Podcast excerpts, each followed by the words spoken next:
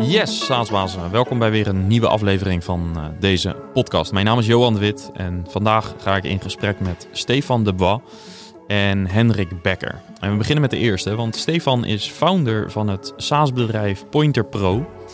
En in deze aflevering vertelt hij hoe en waarom hij koos voor EOS. Want hij wilde zo'n vier jaar geleden zijn bedrijf opschalen. Ze waren toen met uh, ongeveer 10 mensen. En hij wilde zijn eerste managers aannemen, maar hij wist dat dat zonder duidelijke structuur, zonder operating system, een grote uitdaging zou worden. Want dat is EOS. EOS is een, uh, ja, je zou kunnen zeggen dus het operating system voor je bedrijf. En veel voorgaande gasten hebben al gesproken over een soortgelijke methode, scaling up. En je zou kunnen zeggen dat EOS een wat vereenvoudigd alternatief is voor, uh, ja, van, van scaling up. En ja, mijn andere gast is dus Henrik Becker. En hij is implementatieconsultant van EOS. En hij werd ingeschakeld door Stefan. En samen nemen, ze, nemen ze je mee in uh, nou, het hele traject van keuze tot uh, implementatie en waar ze vandaag staan. Stefan was overigens ook al eerder te gast in aflevering 130. Dus als je wat meer achtergrondinformatie wil uh, voordat je deze aflevering gaat luisteren, luister dan ook nog eventjes naar aflevering 130 dus.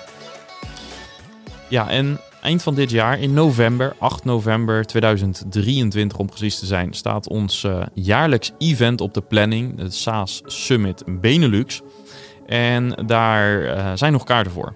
Dus ga naar saassummit.io of even naar saasbazen.nl. Ook daar uh, vind je de informatie en de linkjes om uh, daarbij te zijn. Want het is de belangrijkste dag in SaaS. We zorgen dat uh, de hele community bij elkaar komt die dag om kennis uit te wisselen, maar natuurlijk ook om te netwerken.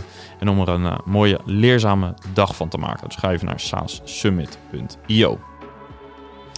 Ja, en tot slot, voordat we naar het gesprek gaan, een dankwoord aan onze sponsor Leadinfo. Want daarmee zie je welke bedrijven jouw website bezoeken. En zij maken deze podcast mede mogelijk. En zeker als je in B2B SaaS zit, is Leadinfo een uh, must-have, vind ik zelf. Want je ziet welke bedrijven dus je website bezoeken. En daarmee ja, kun je zien welke prospects uit jouw salespipeline bijvoorbeeld interactie hebben met, met je website. Ga naar leadinfo.com slash saasbazen om te zien hoe dat werkt. En gaan we nu naar het gesprek met Stefan en Hendrik. Ik hoop dat je het leuk vindt. Ja, welkom heren. Dankjewel. In, uh, in deze aflevering over EOS. Een fenomeen dat, waar jij dagelijks mee bezig bent, Henrik. Maar ik wil eigenlijk bij jou beginnen, Stefan. Want jij hebt een aantal ja, jaren geleden, anderhalf jaar geleden, ik weet niet, eigenlijk niet eens precies, besloten om EOS te gaan doen binnen jullie organisatie. wat was eigenlijk de trigger om daarmee te starten?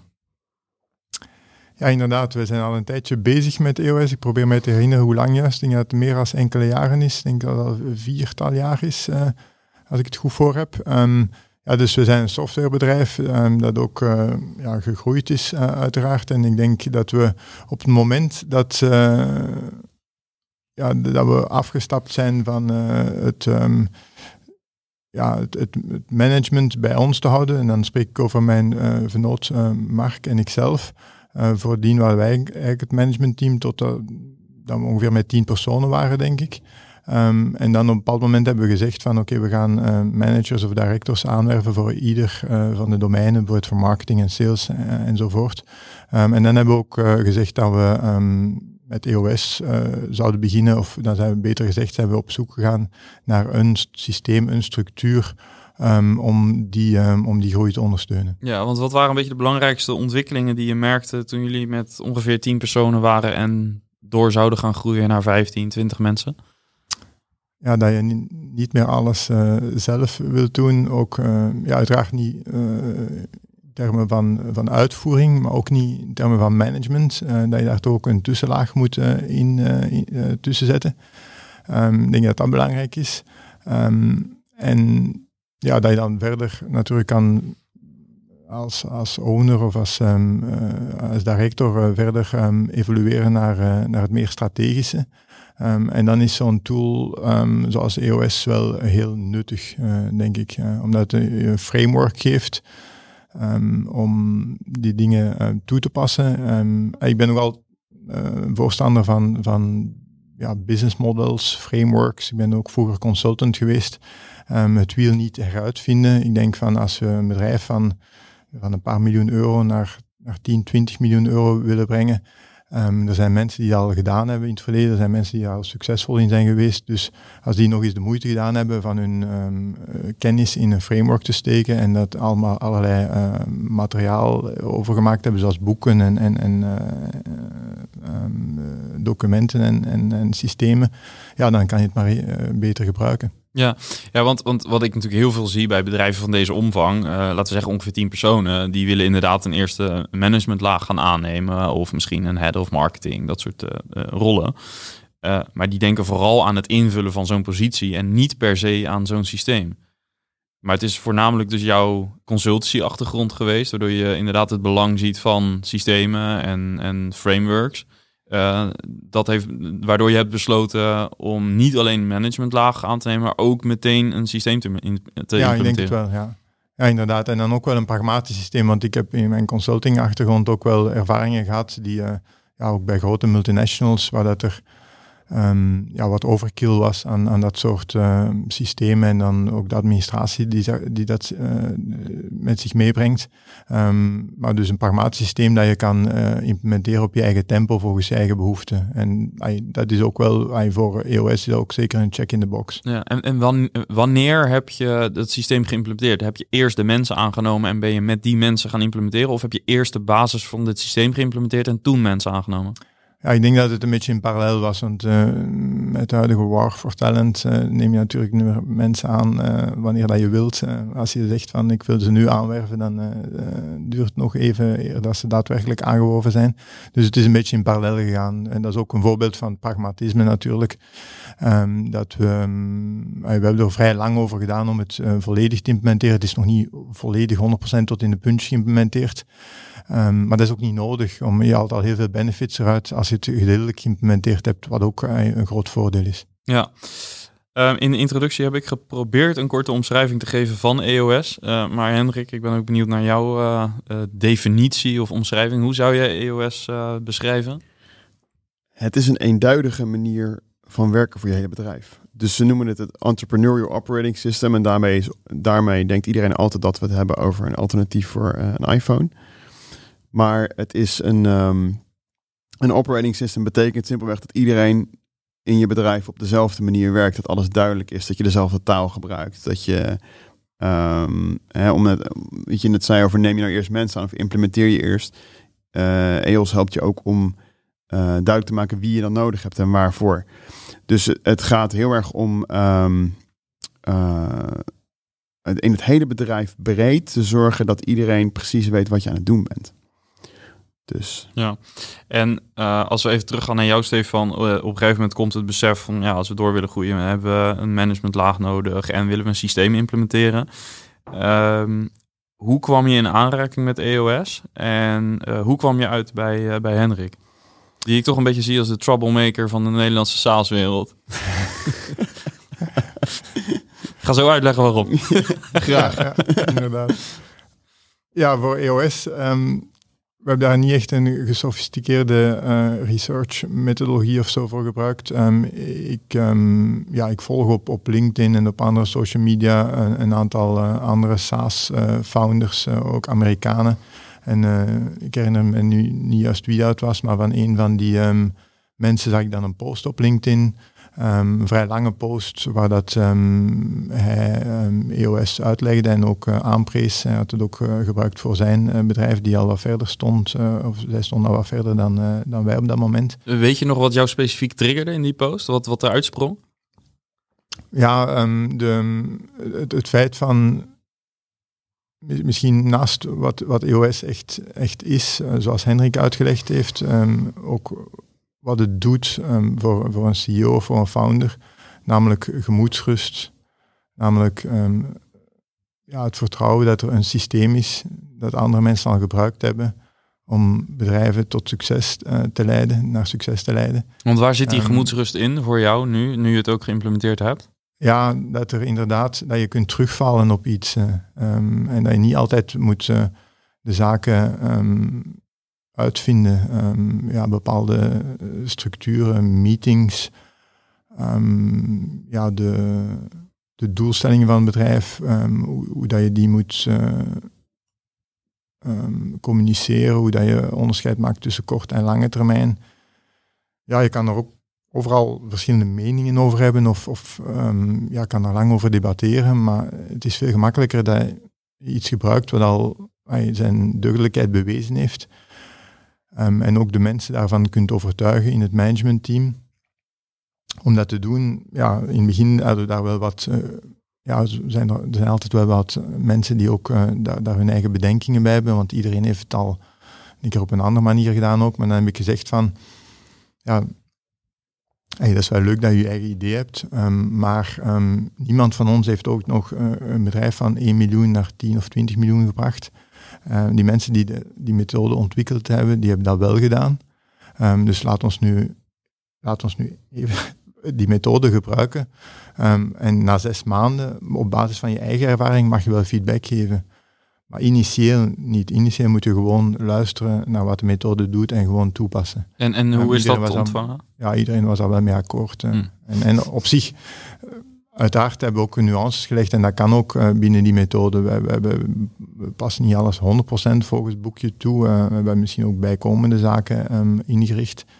Um, maar uiteindelijk is het wel uh, zeker succesvol geweest. Ja, uh, ik wil heel even een klein uitstapje maken van, van jouw specifieke casus even naar jou, uh, Hendrik. Want jij helpt meer bedrijven natuurlijk met dit proces. Dus je uh, hebt ook een wat bredere blik op ja, de voordelen. Misschien ook de valkuilen, kunnen we het wellicht nog over hebben. Mm -hmm. maar eerst ben ik even benieuwd, kun je een beetje de, wat, wat, wat typische situaties schetsen waar bedrijven in zitten die zo'n behoefte aan EOS kunnen triggeren. Misschien ook voor de luisteraar die zelf in een soort gelijke of andere fase zit, maar dat hij wellicht een beetje herkenning heeft bij. Uh, ja, nou, ik denk dat uh, mijn eigen situatie waar ik het zelf ontdekt heb een goed voorbeeld is. Ik heb in uh, van 2018 2019 heb ik zelf bij een SaaS gewerkt in de VS. Althans, ik ben eind 18 erheen gegaan. En um, dat was een situatie waarin, nou, dat was ook een man of 10, 15 waren we toen. bootstrapped SaaS. En um, daar, je begint daarin te zien dat um, je dus inderdaad, zoals Stefan al zegt, je kan niet overal zelf meer bij zijn. Je moet gaan delegeren. Maar um, je loopt dan tegen de, het feit aan dat je andere mensen dat moet gaan uitvoeren. En die doen het altijd anders dan jij. En dus krijg je de behoefte om jouw manier van werken, jouw manier van doen, jouw visie, jouw uh, om op een manier over te dragen, om het eigenlijk uit je hoofd te krijgen en op papier te krijgen en, en gedragen te krijgen met een heel team. Waardoor uh, als Stefan uh, op vakantie wil, als jij twee weken weggaat, dan is, is er niets aan de hand volgens mij, want dat draait gewoon door. Nu niet.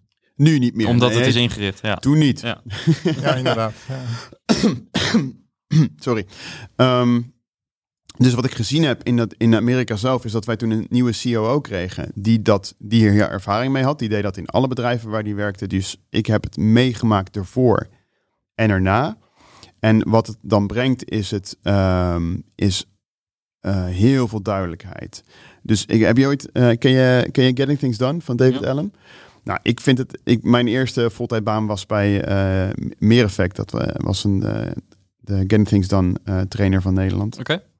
En uh, bij Getting Things Done zorg je dat je alles uit je hoofd op papier krijgt en dat je beslissingen over kan maken als persoon, persoonlijke productiviteit. En met EOS doe je het eigenlijk als bedrijf. Dus je zorgt ervoor dat uh, in plaats van dat alles aan visie en ideeën en structuur uh, leeft in het hoofd van de founder of de founders, wordt dat een breed gedragen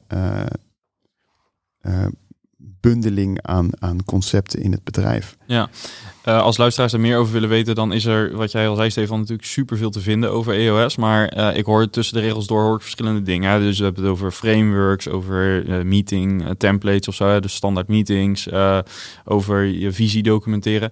Kun jij een, een, een beetje een opbouw geven van, van wat zijn nou de tools en de systemen waar we het echt over hebben? Dus hoe ziet EOS er echt in de praktijk uit? Wat, wat krijg je?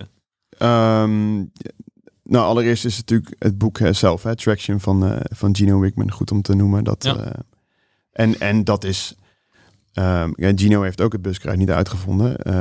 dat is een combinatie van verschillende tools, wat je al aangeeft. Um, er zijn een aantal dingen, dus als ik begin met een klant, dan begin ik altijd met de praktische dingen. we beginnen met een accountability chart. Een, een, een, een, een soort organogram, maar gericht op wie is verantwoordelijk voor wat en aan wie.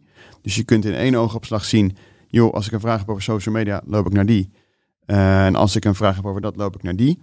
Het is totale uh, duidelijkheid over wie waarvoor verantwoordelijk is. Dus krijg je vooral met meerdere founders heb je vaak dat ze, dat ze een soort organisch uh, er, er groeit iets met verantwoordelijkheden. En uiteindelijk merk ik altijd met meerdere founders dat het heel lastig is voor mensen in het bedrijf, zeker als het iets groter wordt, om erachter te komen bij wie moet ik nou eigenlijk zijn? En wie heeft eigenlijk gelijk als ze, als ze het niet eens zijn? Uh, dat, die vaagheid gaat eruit. Uh, er zijn een set meetings, dus je gaat elk kwartaal ga je een dag met elkaar zitten. Je gaat elke week 90 minuten met elkaar zitten. Vaste tijd, vast termijn. Met elkaar is het hele management team? in eerste instantie. Het management team. Alles is van in eerste instantie vanuit het management team en gaat later door naar de rest van de organisatie. Oké. Okay. Um, een scorecard met KPI's, waar die je als management team uh, vaststelt. En um, vergeet nou nog iets? De praktische dingen? Accountability chart. Rocks, rocks. De rocks, de, de, de kwartaaldoelen. Ja, die kennen we ook een beetje van scaling up. Ja, maar er dat- zit ja. ook, weet je, dat, het is eigenlijk een beetje scaling up light. Heel kort Hm. de bocht. En, en waarin scaling up is daarin best complex in veel dingen. En die complexiteit is eruit gehaald, waardoor je eigenlijk een veel ja, praktischer, concreter, eh, pragmatischer systeem overhoudt. Ja. Dus dat zijn de praktische tools waar je mee aan de gang gaat. En dan is er nog wat heet de Vision Traction Organizer. En dat is simpelweg een, eh, je, je hebt wel eens de one-page business plan. Dat is bij, eh, bij iOS dat een beetje de two-page business plan. Daar komt het een beetje op neer. Dus er is eenduidige waarde die je samen opstelt. Ook implementatie in het bedrijf. Hoe gaan we dan met die waarden ook echt iets doen? Mensen belonen, mensen ontslaan, mensen aannemen. Hoe gaan we het gebruiken in onze besluitvoering? Je focus, eh, je, je, je B-hack komt langs, je grote doel, maar ook je drie jaar, je één jaar doel. Je trekt het langzamer naar beneden. Ideale klant. Al die dingen komen op papier staan totdat je bij, ik bij bedrijven binnen ben geweest, waarbij er gewoon op de tafel, op de meetingtafel, een eh, gelamineerd A4'tje ligt met dat ding. Zodat iedereen die daar komt weet, dit zijn wij, hier staan voor, dit doen we. En dat eh, begin je al met management. Dat deel je met het hele bedrijf en langzaam ga je dat uitrollen. Dus, eh, en, daar, en daar houdt het nog niet bij op. iOS heeft eh, nog veel grotere eh, bibliotheek aan tools. Maar dit is de basis. Ja, check. Ehm, even terug naar jou, eh, Stefan. Ehm, dus we zijn op het punt aangekomen dat je, eh, nou ja, je zegt het zelf mooi, gemoedsrust hebt. Dus je organisatie begint te groeien. Ehm, je, het begon bij 10 mensen. Met hoeveel mensen zijn jullie nu ongeveer? Eh, met 29. 29. Ja. En ehm, wat zijn tijdens die implementatie de, de grootste ja, uitdagingen geweest om, om dit werkend te krijgen? Ja, ik denk ehm, de operationele eh, zaken, zoals de, de meeting sequence, ehm, ook de rocks en de, en de metrics, ehm, die waren vrij straightforward. Natuurlijk, de, de metrics moet je natuurlijk wel. Daar was de uitdaging zeer specifiek. dat je, en ja, voor SaaS heb je natuurlijk, je hebt eigenlijk result metrics en activity metrics. Um, en dit zijn metrics die je wekelijks moet opvolgen. En dat staat ook wel goed beschreven in het boek. Um, ja, de result metric kan bijvoorbeeld MRR zijn of MRR-groei voor een SaaS-bedrijf. Um, maar het is eigenlijk niet de bedoeling dat je die, ah uiteraard moet je die ook opvolgen. Maar het is eigenlijk de bedoeling dat je activity metrics zoekt die eigenlijk uh, de result, het resultaat gaan beïnvloeden. En met de bedoeling dat je die activity uh, metrics kunt bijsturen als het resultaat uh, niet naar wens is. Ja. Bijvoorbeeld voor MRR zou je kunnen zeggen het aantal nieuwe meetings met klanten of het aantal leads die binnenkomt. Um, en voor het aantal leads zou je dan nog terug, kunnen teruggaan naar bijvoorbeeld het aantal uh, um, e-mails, cold e-mails dat je gestuurd hebt, als dat een techniek is om uh, leads uh, te, uh, te verzamelen. Ja, dus de, um, een lead op zichzelf zou wel, dus het aantal leads is ook een result metric, denk ik. Ja, maar ja, de acties die je doet om leads te genereren, bijvoorbeeld mailings, dat zijn de variabelen die bepalen of je die metric ja, uh, kunt aan. en, en, daar hebben we wel um, wat werk gehad om, om dat te definiëren. En het is nog altijd voor een stuk work in progress, want per kwartaal kan je de metrics ook nog fine-tunen. Um, maar het verplicht u wel um, de oefening te maken van En dat is een essentiële oefening voor de business, ook onafhankelijk van of je EOS gebruikt of niet. Ehm, van welk resultaat wil ik bereiken? Uiteraard, dat is ook niet zo moeilijk, maar dan hoe ga je dat resultaat bereiken? Met welke activiteiten en wat is de link tussen die activiteiten en het resultaat? En, en wie bepaalt dat? Dus wie, wie stelt uh, de result metrics samen en, en wie bepaalt welke activity metrics daarvoor nodig zijn? Ja, dat doen we wel samen met het leadership team. Um, en dan natuurlijk, ja, als het um, bijvoorbeeld uh, over uh, leads gaat, of lead generation, dan gaat het eerder zijn met de marketingverantwoordelijke. Um, maar dat proberen we wel samen te doen. Ik denk ook dat het... Dus het is niet alleen top-down. Nee, is, nee, nee. Dus jullie stellen ja. wel de bedrijfsbrede doelen. Alleen marketing moet zelf bepalen, deels in overleg met jullie, wat hun metrics gaan zijn om die doelstellingen te halen. Ja, maar dus de we streven er wel naar om het, het resultaat, um, de metric die we vooropgesteld hebben, dat we die um, niet in vraag stellen. Of de, de target value, laat ons zeggen.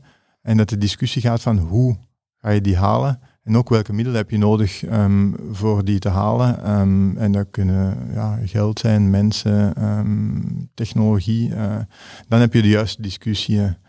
Um, en dat is ook het verschil tussen een echte senior manager, denk ik, en, en iemand meer onervaren.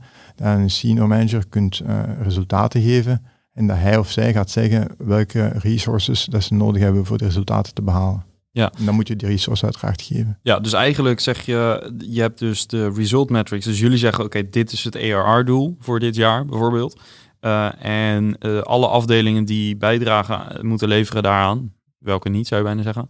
Uh, die moeten zelf gaan bepalen welke acties ze gaan ondernemen. En dat gaan jullie in overleg met elkaar bepalen. Zou ik ja, het zo moeten inderdaad. zien? En, en dat is eigenlijk een metric uh, structuur die eigenlijk, uh, wat het eigenlijk heel duidelijk is. Um, dat je, als je het one number principe, dat ook een deel is van de EOS, dus iedereen heeft één cijfer waar hij of zij verant verantwoordelijk is. Um, je hebt een, een hiërarchie van metrics. Eigenlijk als je aan de onderkant alles behaalt, um, van, van, van de metrics. Um, als alle mensen alles behalen en alle departementen alle hun doelstellingen, dan worden automatisch ook de company objectives gehaald, uiteraard. Ja. ja. Kan een van jullie wat meer vertellen over dat one-number principe? Nou, weet je wat we proberen te doen met, met die scorecard? Is dat we een, een 5 tot 15 metrics in het leiderschap neerzetten. Want dit zijn, hier gaan we wekelijks aan meten. En het zijn, de bedoeling is dat het metrics zijn waar je op kan sturen. Dus MRR is after the fact. Mm. Dus dat is, als je te weinig MRR hebt, nou ja, daar kun je nog wel bijsturen. Maar je wil eigenlijk weten, nou, als mijn website visits naar beneden gaan, dan weet ik dat ik straks minder leads heb en dat ik dus minder ja. binnenhoud. Dus je probeert eigenlijk op basis daarvan op weekbasis dingen in te vullen, waardoor je al kunt gaan voorspellen, hey, hier moeten we iets gaan doen. Dus al die cijfers moeten maanden tot actie. En wat je doet is dat als je dat in het leiderschap hebt staan, dan kun je dat naar beneden laten zakken. Dus dan zeg je, oké, marketing, jullie mogen nu jullie eigen 5 tot 15 metrics gaan doen. En als dat verder naar beneden zakt, uh, want zo werkt de iOS-implementatie, je begint bovenaan en je zakt langzaam naar beneden.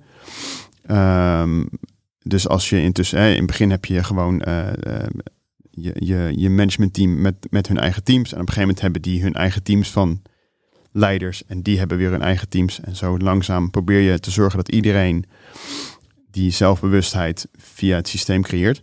Um, maar er komt een punt dat iedereen in het bedrijf een cijfer kan hebben. En het een voorbeeld uit het boek is altijd wel leuk. Dat is de telefonist heeft het cijfer 3. De telefoon mag maar drie keer overgaan. Nou ja, op die manier probeer je iedereen eigenaarschap te geven over iets. En dus ook elke metric die op de scorecard staat, heeft ook altijd een eigenaar. Dat is hetzelfde als dat met, uh, met ownership en accountability in iOS. Er is altijd maar één person accountable. Ik ga weer half Engels. Er is altijd maar één persoon uh, verantwoordelijk, want anders is er niemand verantwoordelijk. Ja. Dat geldt met de metric net zo. Ja. Mhm. Um, we hadden het even over de, de, de uitdagingen. Nou, je geeft aan dus die, die activities definiëren is misschien even, dat, dat was nieuw. Zijn er nog andere dingen in het traject? Of misschien vanuit jouw perspectief, uh, waarvan je zei van nou, dat, dat zijn, of dat zijn normaal gesproken, misschien niet specifiek bij Point Pro, maar het zijn echt Nou uitdagingen. ja, wat, ik, wat ik wel gezien heb, um, is wat ik veel zie, wat ik bij jullie ook gezien heb, is de um, als je de accountability chart maakt. Dus je zet de structuur neer van het bedrijf. Wat, wat hebben we nodig? Uh, even loslaten wat we nu hebben. Wat hebben we nodig het komende half jaar tot jaar om onze doelen te gaan bereiken? Welke, welke, welke seats hebben we dan nodig? Uh, en als je dat, je gaat eerst alle seats bouwen en de structuur. En uh, als iedereen het daarover eens is, dan ga je pas poppetjes invullen. En wat je dan ziet is dat je als founder in heel veel stoeltjes terechtkomt. En in één keer, en wat ik al vaak heb gezien in zo'n sessie, is dat dan één mensen denken: Oh, daarom ben ik zo druk. Ehm, en de uitdaging is ehm, om dan die dingen één voor één af te gaan stoten. Je weet intussen wat je los kunt gaan laten. Je ziet ook als je naam in vijf stoelen staat, één, je hebt het druk. En twee, kun je waarschijnlijk heel snel verzinnen. Maar die wil ik niet meer. Uh, dus dat is wel een uitdaging geweest. Ook om de juiste mensen op de juiste plek te krijgen. We hebben ook wel wat wisselingen gehad in het leiderschap. Uh, en nu staat het er natuurlijk heel wel echt. Volgens mij staat er echt heel goed voor. En als ik dan even kijk nog naar Pointer Pro en misschien jou persoonlijk is ook het loslaten van bepaalde dingen, bijvoorbeeld discussies met marketing of dat soort dingen. Is dat ook omdat jij dat opgezet hebt zelf, zie je dat daar vaak de ligt na aan je hart. Uh, daar, dus daar zie ik wel veel. Ook, het, ook ik heb zelf ook in die positie gezeten als uh, hoofdmarketing. Met een founder die zelf marketing had opgezet. Dus um, de personele wisselingen zijn volgens mij vaak wel een grote uitdaging. Ja, inderdaad. Het loslaten, dat is altijd uh, niet zo gemakkelijk voor een founder. Um, ja, dat is inderdaad zo. Um, misschien nog een andere uitdaging die ik gezien heb, is rond de values, dus de waarden. Mm. Um, want waar ik altijd een hekel aan heb, is dat je um, ja, uh, die values zoals uh, teamwork of integrity, uh, als dat natuurlijk als dat op zichzelf staat, dan zeg je van ja, so what, van, voor iedereen is teamwork belangrijk. Dus ik heb altijd wel gezegd van ja, je moet daar echt in onderscheidend zijn um, en, en dan ook met voorbeelden kunnen aantonen onmiddellijk van hoe dat je dan verschillend bent van een ander bedrijf rond, rond die waarden. Um, dus um, we hebben die waarden nu wel gedefinieerd en ik denk dat die ook, um, ja, dat die ook genoeg differentiërend zijn, maar nu is het nog wel zaak om die echt, uh, ja, echt de drill down naar, uh, naar het bedrijf toe, ook uh, mensen in de bloemetjes zetten die die waarden een keer toegepast hebben. Ja, um, dus, ja, dus echt het operationaliseren ervan. Ja, ja, dat die waarden, het gevaar met waarden is dat ze ten eerste dat ze inwisselbaar zijn met andere bedrijven, dus dat er eigenlijk niks, ja, niks echt waarde aanhangt. Um, en ten tweede dat, um, ja, dat ze mooi opgeschreven worden um, en, en dan uh, in, uh, in de schuif of op een PowerPoint op een drive gezet worden en, en nooit meer bekeken worden. Ja. Dat is een ander gevaar. Ja, die documenten kennen we allemaal. Ja. Ja, heel driftig aan gewerkt en dan vervolgens uh, hoe operationaliseer je, je het? Ja. Waar blijkt het uit dat dit belangrijk is? We hebben in iOS dus ook een tool die heet People Analyzer, waarmee je en de seat waar iemand in zit en de, en de waarde of iemand die laat zien bij elk kwartaalgesprek meeneemt. En ook de, de manager, de werknemer beoordeelt, maar andersom ook. En dan kun je een discussie hebben over, je doet bij elke waarde doe je plus, plus, minus of min.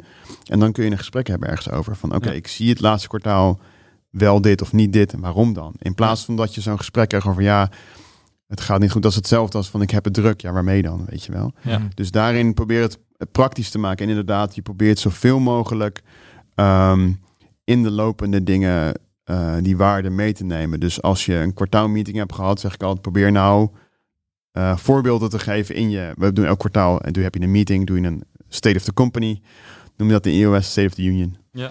En dan probeer ik, zeg ik altijd, neem nou voor elke, voor elke waarde een voorbeeld uit het laatste kwartaal. Van waar heb je dit wel of niet gezien? Of wat hebben we wel of niet gedaan met deze waarde? Zodat het ook gaat leven. Zodat het niet inderdaad een mooi blaadje is. Met, ja. met wat leuke dingen erop. Uh, herkenbaar en denk erg nuttig om dat uh, op die manier te, te doen. Uh, een andere vraag die het bij mij oproept is, nee, ik, ik spreek natuurlijk ontzettend veel SaaS-founders, ook een beetje in deze fase, dus eerst de 10, 20 medewerkers of, of iets meer. En wat je natuurlijk typisch ziet is dat heel veel SaaS-founders natuurlijk barsten van creatieve ideeën, van heel, vaak, heel veel zijn visionair. En natuurlijk zijn er wel teams die heel complementair zijn, dat er ook een founder is die misschien vanuit DISC wat blauwer is, wat meer gestructureerd. Um, maar even, even ik, ik, ben benieuwd naar het antwoord van jullie beiden. Misschien even om met jou te beginnen, Henrik. Hoe is het voor een visionaire founder, iemand die misschien heel erg bezig is met de toekomst, heel erg gericht is op de markt en misschien wat minder op de interne organisatie, yeah. om zo'n systeem te implementeren? Het allermooiste wat er is. Uh, omdat ik zag net uh, Rocket Fuel hier. Ja, ja. dat Rocket Fuel gaat natuurlijk. Dat is een van de traction boeken, maar gaat specifiek in om op de, de twee bepalende rollen in iOS, namelijk de integrator, dat is de eindverantwoordelijke business en dus de meer blauwe die jij net zegt. Ja. Maar ehm, in minimaal 50% van de gevallen maakt iOS ruimte voor een visionary rol. Waarin die founder vrijgezet wordt om precies dat te doen. En dat betekent, want het is precies wat je zegt, er zijn vaak twee soorten founders. De ene is iets meer visionair, de ander is iets, ehm, is iets meer uh, op, de, op management. Behalve Stefan, die is in een lab in elkaar gezet en heeft alle twee. maar, ik ben benieuwd uh, naar zijn eigen visie erop. maar, uh, maar ja, maar, maar, ik herken 100% wat je zegt. Want er zijn, zijn zoveel founders die ik gesproken heb... die zo worstelen met dat... ja, ik wil een bedrijf, maar mensen, kinderen... ik word zo moe van dat in elkaar zetten. En dan is mijn eerste advies altijd... als we die accountability chart in elkaar te zetten... zoek dus iemand erbij...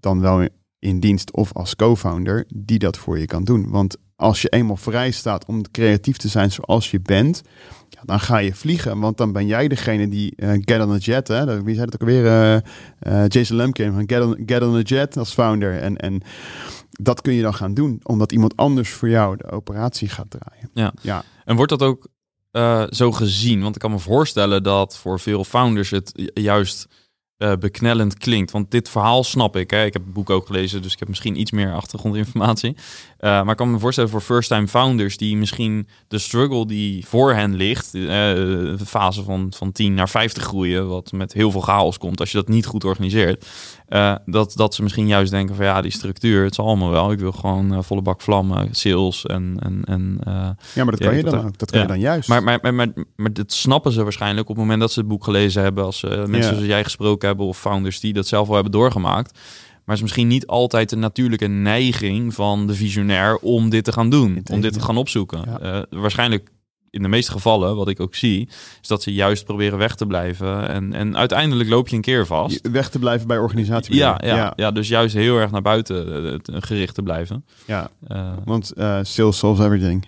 Ja, uiteindelijk wel. Hè? Dus als ik gewoon maar zorg dat uh, MRR groeit, ja, dan uh, binnen lossen ze het wel op. Ja, nee, weet je, ik stel het natuurlijk een beetje zwart Tuurlijk. Maar. En, en, maar ik ben ingestapt bij mensen met, met bedrijf met 10 en ook bedrijf met 50. En als je bij 50 dit gaat doen met twee founders, dan is het wel even, dan is het wel even kraken hoor. Ja. Dat is wel even uh, moeilijk. Um, en dat merk je aan de hoeveelheid, hoeveel moeilijker het wordt om een groter bedrijf alsnog te organiseren dan wanneer je met 10 begint. Ja, nee, ik snap het heel goed. Uh, maar ik denk dat je je moet beseffen dat als je creatief voetbal wil spelen, dat je uit een goede teamorganisatie moet komen. En dat je dat dan ook niet zelf hoeft te doen. Daar ben ik dan ook weer voor, want ik sta er ook naast en ik ben van buiten. En ik kan ervoor zorgen dat als je met als je, als je zo'n founder bent en je haalt iemand erbij die die day-to-day voor je gaat doen, dan hoef je daar ook minder zorgen over te maken. Ja. Dus, dan sta, dus de eerder je dat doet, hoe eerder je vrij bent om die sales te gaan doen en alle andere dingen. Ja, dat is de paradox. Uh, wellicht. Het, het, is heel logisch, maar gevoelsmatig kan dat een paradox zijn. Ja. Uh, ja, ik hoor net dat je in het lab in elkaar bent gezet en het allebei hebt. Ervaar je dat zelf ook zo, dat laatste? Ja, daar laat ik aan anderen over. Maar ik weet wel dat de, de, ja, het onderscheid tussen um, visionary en, um, en implementer in het uh, leadership team, um, integrator, in de, het leadership team, daar vond ik wel wat een van de dingen van iOS waar het waar je een beetje zwart-wit uh, een beetje kunstmatig en daar hebben we ook wel de vrijheid genomen om het op onze eigen manier uh, voor een stuk in te vullen. Het is wel goed om over na te denken natuurlijk. Hè. Um, je moet wel iemand hebben die de juiste visie heeft over het bedrijf en het product en ik denk dat ik dat wel heb. Um, maar ik denk tegelijkertijd, zeker als je met, uh, met minder dan 10 man bent, dat je zeker geen fulltime visionary nodig hebt. En de, vision is 5%, maar 95% is wel de execution. En je ziet veel bedrijven met de juiste visie. Ja, die, toch wel weer die gesproken als een integrator, Stefan. Ja, die ook. ja. ja, hier val je door de mand. ja, dit, ik neem terug wat ik net zei. um, en ja, er zijn wel veel bedrijven met de juiste visie die het uiteindelijk ook niet gehaald hebben. Dus... Um, dus ja, we hebben dat dan ja, ook op die manier ingericht. We hebben eerder uh, mijn, co-founder en mezelf meer functioneel uh, de zaken verdeeld, um, waar hij verantwoordelijk is voor uh, sales en, customer service en ik voor product en marketing. Um, en dat voelt gewoon beter aan voor, ons. Um, nu, wat betreft die operations en het feit dat we hebben eigenlijk niemand die verantwoordelijk is voor echt de ja, de ondersteunende processen, zeg maar, ook digitalisatie. Ja, dat begint ons nu wel part te spelen. Um, nu dat we ja, die, die, die, die grootte zijn van, dus we zijn nu met 29 mensen. Um, en daar moeten we nu wel naar, naar, naar kijken om ook een soort uh, uh, COO-rol of, of operations uh, um, die transversaal kan meedenken. En waarom merk je dat vooral? Ja, er zijn toch nog wel veel zaken die... Um, ja, qua digitalisatie denk ik dat er veel, we hebben, we hebben uiteraard eh, ook veel SaaS-tools eh, zelf in gebruik, maar ik denk dat we er nog niet optimaal van uh, gebruik maken. Ja, dat er nog, dat nog veel beter kan, ook workflows, connecties. Um, dat het, um, ja, moest iemand daar met ervaring daar een keer um, echt dedicated naar kijken, dat hij nog wel veel ja, goede dingen zou kunnen doen en ook Natuurlijk, als je dat doet, als je maar vijf of tien mensen hebt, dan zou de, de schaal waarop die verbeteringen dan uh, zichtbaar zijn veel kleiner zijn. Maar nu wel, als je het facturatieproces um, als je daar nou, misschien maar 5 of 10 procent tijdswinst op hebt, hebben, ja, maal het aantal facturen, dat is, significant. En voor andere processen is dat, is dat ook gelijkaardig. Ja. ja, je hebt zelf al een beetje het brugje gemaakt naar een, een, een vraag waar ik ook benieuwd naar was. En dat is even vooruitkijken. En dus nu zit je rond zeg maar de 30 mensen. Um, en en in, in de huidige situatie uh, merk je dus behoefte aan een, aan een COO of Masters of Operations, of hoe we het ook noemen. Um, als we wat verder vooruit kijken, uh, eerste vraag is, waar ligt zeg maar de ambitie om naartoe te groeien als het gaat om mensen dan in dit geval vooral? Uh, en, en wat verwacht je dan als, als uh, uitdagingen in die nieuwe groeisprint op het gebied van operatie? Ja, qua mensen, mensen zijn natuurlijk geen doelstelling op zich, um, omdat ja, we willen ja, onze, onze visie realiseren van uh, um, ja, professional service bedrijven die, die onze uh, klanten uh, zijn, om, om hun adviesverlening te automatiseren. Um, en daar het, ah ja, het juiste softwareproduct voor, voor bouwen. En dan ja, de mensen die daarvoor nodig zijn, um, uiteraard gaan, we die, gaan we die dan aan boord halen. Ik denk dat er vooral ja, qua leadership zitten we nu wel goed. qua de andere mensen zijn mensen die, uh, of zijn departementen die mee gaan groeien als onze omzet uh, groeit. Er zijn andere departementen die, minder, die meer uh, stabiel gaan blijven. Um, dus, um, dus daar denk ik, um, om dat te ondersteunen, denk ik um, dat we EOS in de teams uh, moeten um, uh, toepassen. Dus zoals we met leadership uh, team gedaan hebben, dat ook in de teams. Want de teams zelf gaan eerder een, een klein bedrijfje worden op zich met hun eigen doelstellingen. En daar kan je EOS ook perfect in, in, in toepassen. Dat ligt ook in, in de methode van EOS. We zijn nu begonnen met het sales team die dat al gedaan hebben. Nu moeten we de andere teams nog doen. Um, dus ik denk dat dat belangrijk is. En daarnaast, ja, het bedrijf in, in het algemeen betreft, um, denk ik dat als ik mijn operationele bevoegdheden uh, kan um, uh, aan, aan andere mensen geven, dat ik ook veel meer ja, die visionary rol, die kan je nu ook wel um, ja, in combinatie met de juiste marketing, nu dat er een, een marketingteam is om dat te versterken. Als je de, juist de boodschap wilt evangeliseren, bij ons draait daar rond het digitaliseren van professional service en hoe dat je dat doet, ook onafhankelijk van onze tool, um, uh, die, die, eh, die boodschap evangeliseren. Ja, dan kan ik nu meer tijd aan besteden. Met een marketingteam die de boodschap al kan versterken, en gaat dat veel meer effect hebben dan, uh, dan vroeger. Ja. ja, en daar zit ook die gemoedsrust waarschijnlijk in. Dat je dat kunt gaan ja, doen. Ja, uh, omdat je weet dat de organisatie zonder Ja. jou ook uh, wel dag tot dag draait. Ja, inderdaad. Ja. correct.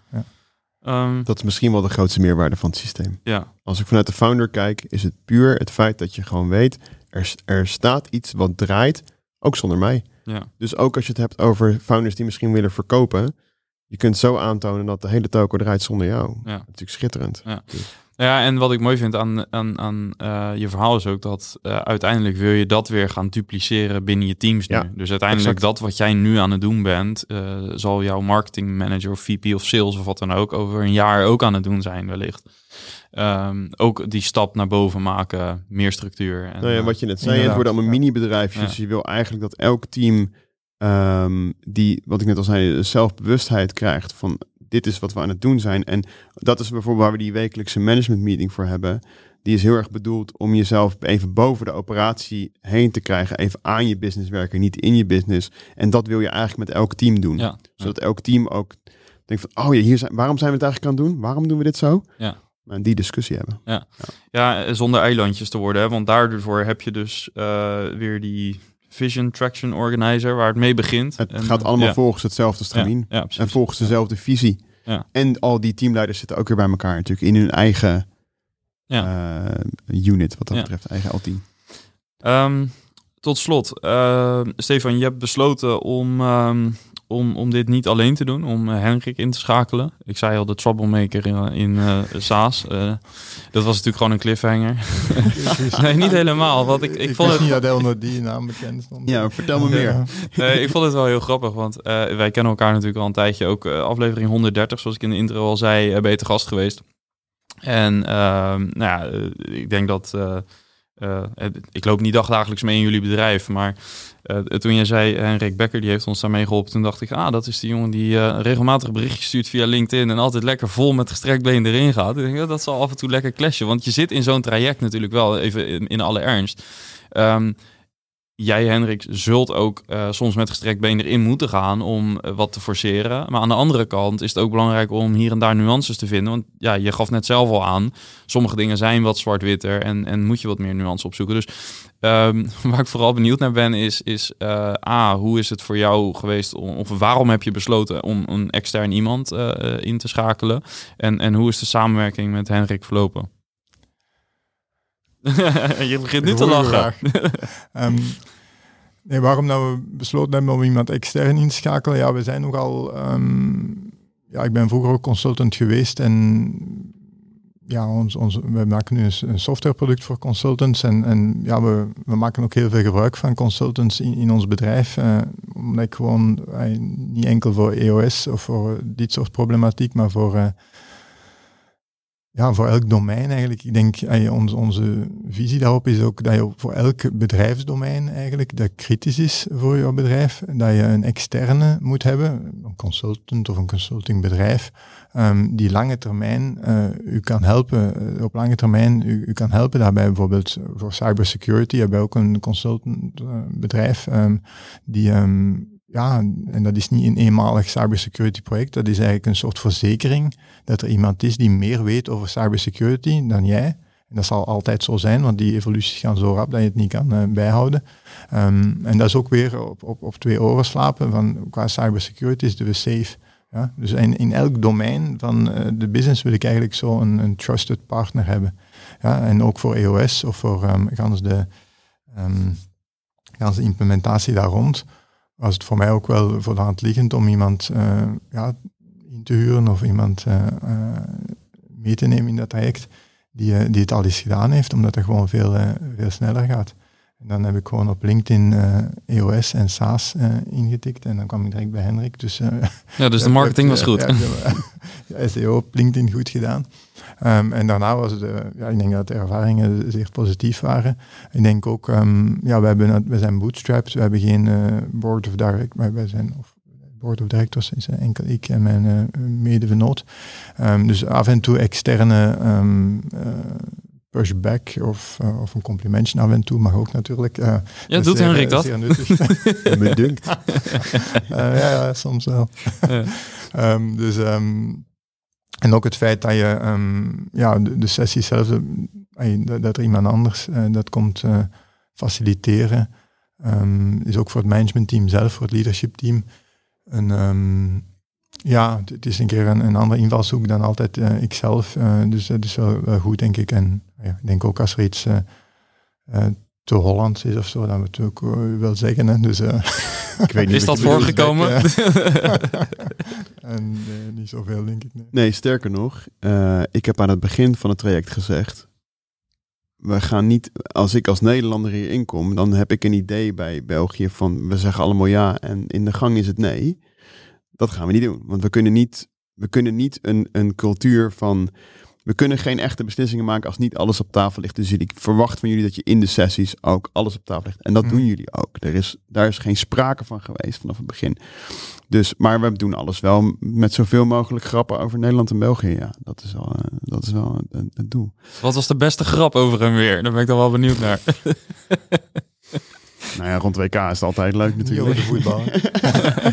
en om even bij voetbal te blijven, wat dat betreft, eh, wat, wat ik zie is ehm, dat de meerwaarde die, die, die ik voor mezelf zie, is het feit dat als je eh, als ondernemer dit zelf wil doen, dan ben je altijd een beetje spelercoach. Want je bent aan het voetballen en je wil ook coachen. En het is wel heel erg fijn als je volledig op het voetbal kan richten en je niet hoeft na te denken. Eh, Dus ik kom daar om de sessie te faciliteren en je kunt 100% meedoen zonder dat je je daar zorgen om hoeft te maken. En daarbij komt dan nog eens het feit dat ik dan meerdere teams gecoacht heb. Dus dat ik wat meer mee kan brengen over van nou, zo gaat het op andere plaatsen.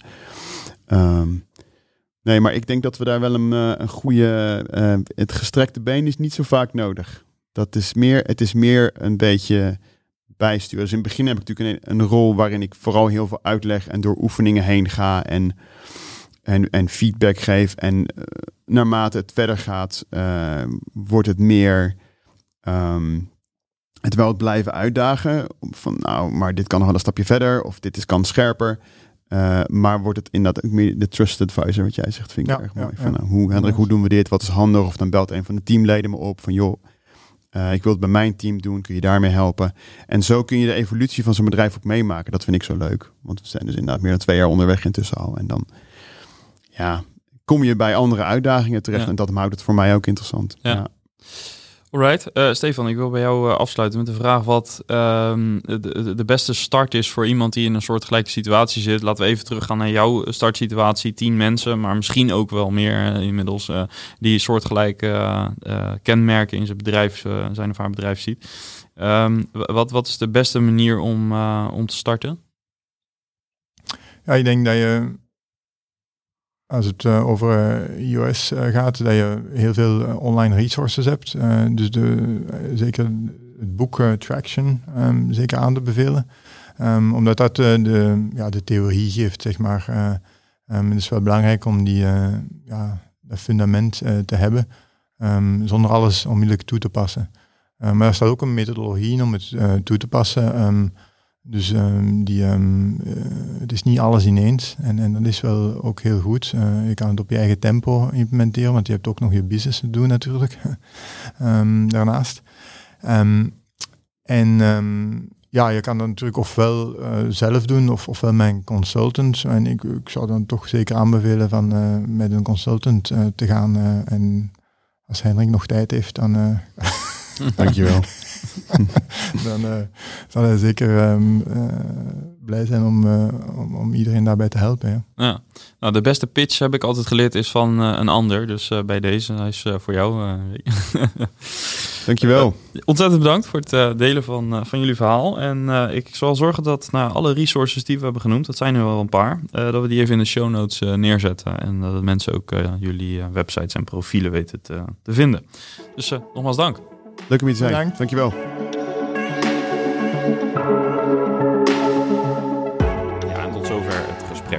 Vandaag. Bedankt voor het luisteren weer.